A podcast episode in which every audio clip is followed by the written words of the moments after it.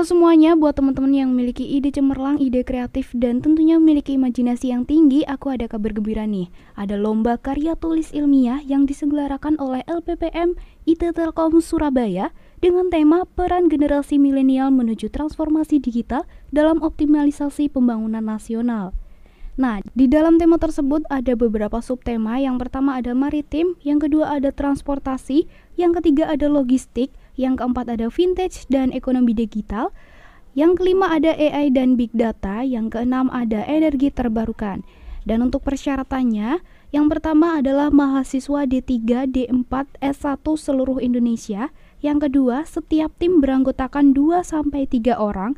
Yang ketiga, setiap anggota berasal dari institusi yang sama. Yang keempat, karya bersifat orisinil dan yang kelima, setiap anggota tim diperbolehkan berasal dari program studi yang sama maupun berbeda. Dan untuk informasi biaya pendaftarannya, untuk tahap pertama yaitu pengumpulan abstrak gratis, tidak dipungut biaya. Dan untuk tahap kedua yaitu pengumpulan full paper, peserta ditarik biaya dengan senilai Rp75.000 dan kabar gembiranya dikhususkan untuk mahasiswa internal Institut Teknologi Telkom Surabaya gratis.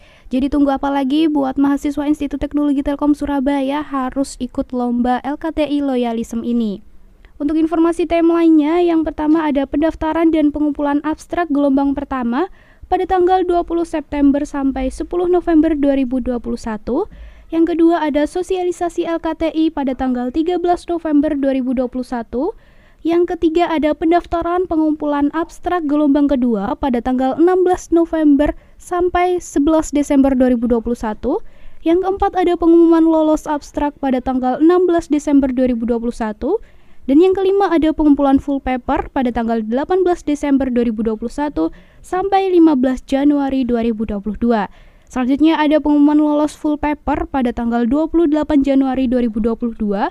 Ada pengumpulan poster pada tanggal 1 sampai 9 Februari 2022 dan ada virtual poster pada tanggal 12 Februari 2022.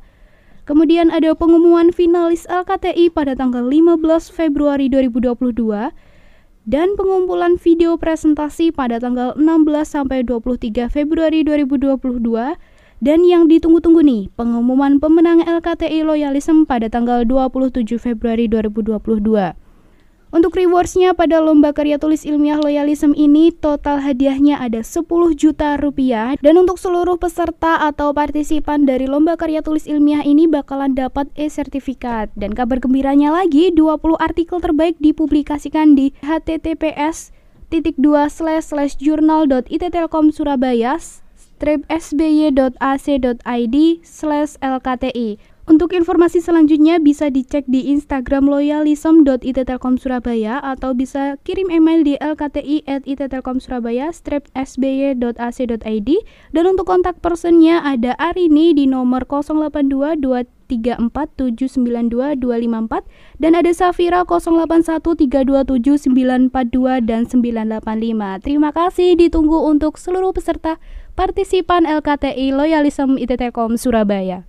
Assalamualaikum semuanya, selamat pagi, selamat siang, dan selamat malam bagi seluruh pendengar setia monolog gue Radio ITTS Media.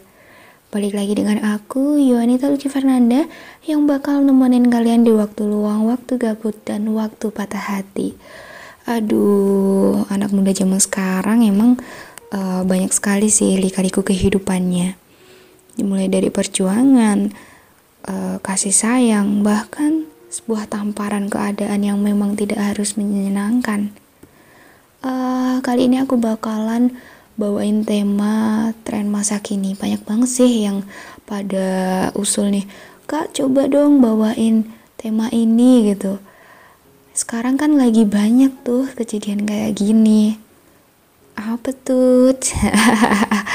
Aduh uh, sekarang uh, teman-teman banyak gak sih yang lagi di ghosting atau teman-teman nih yang jadi tukang ghosting? Sebenarnya uh, kapan sih waktu terbaik buat ngeghosting? Dan kenapa kita terghosting? Terus uh, kalau misal nih jadi diriku sendiri kenapa sih aku harus jadi pelaku ghosting gitu loh? Kalau di sini mah aku jujur aja pasti jadi tersangkanya ya ya nggak tersangkanya aja sih. Aku juga pernah ke ghosting cuman aku yang lebih jadi tersangkanya. Nggak tahu sih kalian uh, menerima pendapatku nggak sih kalau aku jadi tukang ghosting? Aduh. Jadi manusia antagonis itu sebenarnya nggak baik dan jangan ditiru. Tapi um, memang kalau udah nggak bisa ya jangan dipaksa. Soalnya bakal uh, kalian sendiri yang ngejalanin. Kita uh, sekarang kita bicara dari sudut pandang si tukang ghosting ya hmm, ghosting itu apa sih nih ghosting itu lebih sering terjadi ketika kamu sedang PDKT atau lagi deket sama orang entah karena bosan apa ter apa ternyata nggak ju nggak juga atau ternyata kalian masih ada di dalam fase memilih. Ya, namanya anak muda sih. Pasti ada fase memilih atau dipilih. Bebas itu hak kalian, teman-teman. Jadi kalian ah, enjoy aja, masih muda, masih depan, masih jauh, belum mau nikah kan? Aduh, jangan deh jauh-jauh tuh. Nah, dari pengalamanku sih, aku sering ngilang, sering tiba-tiba skip, aku yang hilang. Kalau sampai annoying mah aku bener-bener langsung nge-mute dia di dari kontak WhatsAppku. Nah, baru deket aja aku mikir, kenapa sih dia harus kayak gini? Kenapa sih dia harus posesif gitu loh? Nah, terus uh, kenapa sih aku harus nurutin semua semua permintaanmu gitu? Memang gue pembantu loh. Waduh waduh waduh waduh. Nah jadi banyak banget alasan orang-orang itu kenapa harus ngeghosting. Padahal dia itu masih baru aja deket. Masih uh, masih aja mau ke depan pintu rumah itu udah apa sih pergi deh kalau dilihat hmm, apa sih ya salahnya ngeghosting Ya namanya aja mencoba, kan gak ada salahnya. Mencoba gak cocok, tinggal. Itu dari sudut tukang ghosting loh ya. Kalian jangan sakit hati kalau dari sudut tukang ghosting. Tapi ya memang gimana? Orang namanya mencoba daripada kita gagal di tengah jalan, mending kita nggak jadi kan? Ya mungkin maksudnya mereka bercanda bilang seperti itu uh, pengen kita bahagia, pengen kita seneng, tapi kita aja yang baper. Gimana tuh? Ya kita yang uh, terlalu membawa suasana. Jadi mumpung masih muda, enjoy aja, enakin. Nah, teman-teman, ghosting itu harus punya jangka waktunya. Kadang kalau kita deket sama orang, pasti kita bakal bikin keputusan. Sinyal-sinyal kepekaan itu sebenarnya ada, dan pasti tertangkap. Tapi sebelum itu pasti kita harus punya feeling. Kalau feelingnya nggak baik ya udah, jangan dipaksa teman-teman. Nanti yang sakit kalian sendiri. Selain itu, alasan alasan ngeghosting itu masih banyak banget. Bisa aja nggak asik atau bahasa percakapannya beda, basi, gak nyaman lah kadang biasanya langsung skip aja. Jadi sebelum hubungan kalian makin panjang dan makin rumit perasaannya, kalian bisa nge-stop dulu tuh di depan rumah. Jangan masuk, jangan masuk bahaya nanti bikin sakit hati gitu.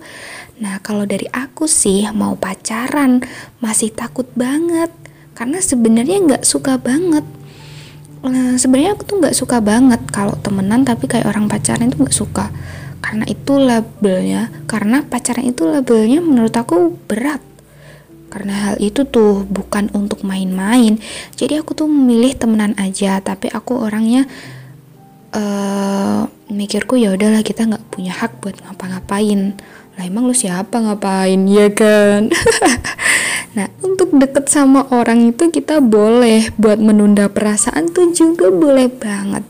Jangan terburu-buru. Siapa tahu emang uh, pasangan kalian itu belum selesai sama masa lalunya atau kalian itu jadi pelampiasan.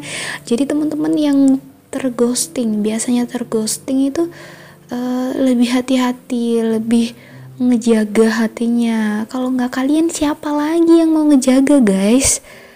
Nah, hubungan itu uh, sebenarnya nggak salah cuman mungkin orangnya yang salah menempatkan diri tau nggak nah kemarin aku udah bikin Q&A uh, bahwa teman-teman itu banyak banget yang jadi pelaku banyak juga yang jadi uh, banyak juga yang jadi korban. Nah ada juga nih pendapat dari salah satu teman aku tentang ghosting. Jadi gini Uh, tapi lebih dominan tukang ghosting sih nih kata temen aku. Aku tahu ini buruk, tapi sifat kayak gini refleks loh sebenarnya. Dikala ada orang yang berniat mengekang, pasti otomatis kepikiran cara untuk melepas dari pengaruhnya tadi. Kalau ada sesuatu yang tidak disukai, pasti akan menjauh pergi dari hal tadi. Nah, sengaja atau tidak, entah merasa bersalah atau tidak, biasanya orang-orang yang kita sebut kang ghosting ini memiliki ego tinggi, ekspektasi tinggi, dan juga loyalitas tinggi kalau misalnya dua hal itu belum terpenuhi. Kalau aku pribadi biasanya karena ilfil dengan pasangan sudah diperingatkan dengan kode atau langsung tapi malah berpikir ya kamu harus nerima aku apa adanya dong Waduh, apa-apaan nih? Belum aja pacaran udah nerima apa-apa adanya. Kamu tuh siapa? Kita baru kenal. Nah, kata temen aku tuh, siapa dia yang harus kita terima di saat awal dekat? Apa dedikasinya untuk kita? Aduh, bener sih, bener-bener. If you treat me well, I will treat you more than you. Percayalah, pasang standar tinggi di awal sehingga orang berani untuk menilaimu, bahkan membayarmu lebih. Ini dari kamu untuk kamu dan untuk dia yang berhasil memilikimu. Wah, keren banget nih. Bener-bener tertampar gak sih teman-teman yang jadi tukang ghosting, yang jadi korban ghosting, atau bahkan yang sebentar lagi cari waktu-waktu untuk ghosting. Nah, ini bener-bener uh, kalimat pas nih buat teman-teman yang jadi tukang ghosting, jadi korbannya kang ghosting atau lagi mencari-cari waktu nih, kapan waktu yang tepat untuk ngeghosting. So mungkin uh, sedikit aja bahasanku tentang ghosting karena ini sedikit menyelekit. Apa tuh menyelekit? Sangat menyentuh nih hati para pendengar. Semoga kalian cepat sadar semoga kalian sehat selalu dan dapat bertemu aku lagi di lain kesempatan tentunya di minggu depan dengan tema yang uh, menarik dan mengikuti tren masa anak muda sekarang. Oke, okay? see you. Terima kasih sudah mendengarkan.